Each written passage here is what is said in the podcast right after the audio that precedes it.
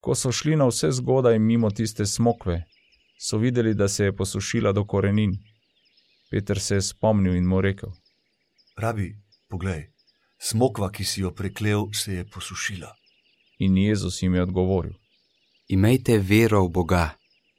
Resnično povem vam, kdor bo rekel tej gori, vzdigni se in se vrzi v morje, in ne bo dvomil v svojem srcu, temveč verjel, da se bo zgodilo, kar pravi, se mu bo zgodilo. Zato vam pravim, za vse, kar molite in prosite, verjemite, da ste že prejeli in se vam bo zgodilo. In kadar ustanete k molitvi, odpustite, če imate kaj proti komu, da vam tudi vaš oče, ki je v nebesih, odpusti vaše prestopke.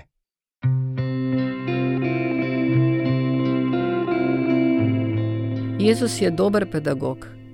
Poleg prilik in prispodob si pri svojem poučevanju poslužuje tudi izkustvenega učenja.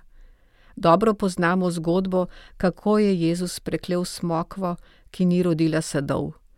To drevo se je posušilo do korenin.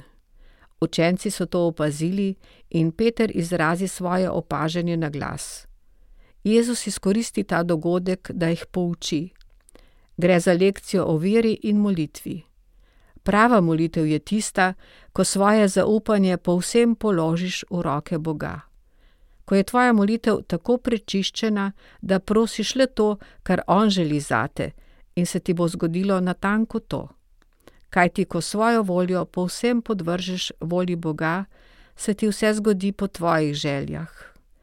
A pot do takšne prepustitve je dolga in strma, zaznamovana s padci in dvomi.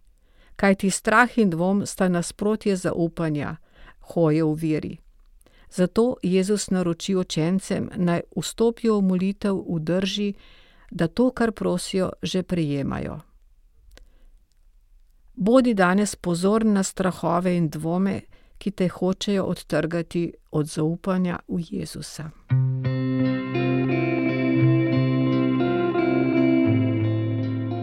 So šli na vse zgodaj mimo tiste smokve, so videli, da se je posušila do korenin.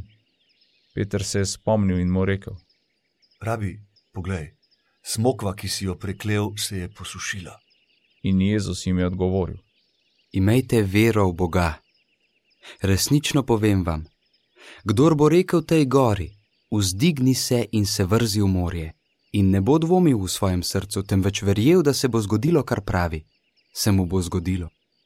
Zato vam pravim, za vse, kar molite in prosite, verjemite, da ste že prejeli in se vam bo zgodilo. In kadar ustanete k molitvi, odpustite, če imate kaj proti komu, da vam tudi vaš oče, ki je v nebesih, odpusti vaše prestopke.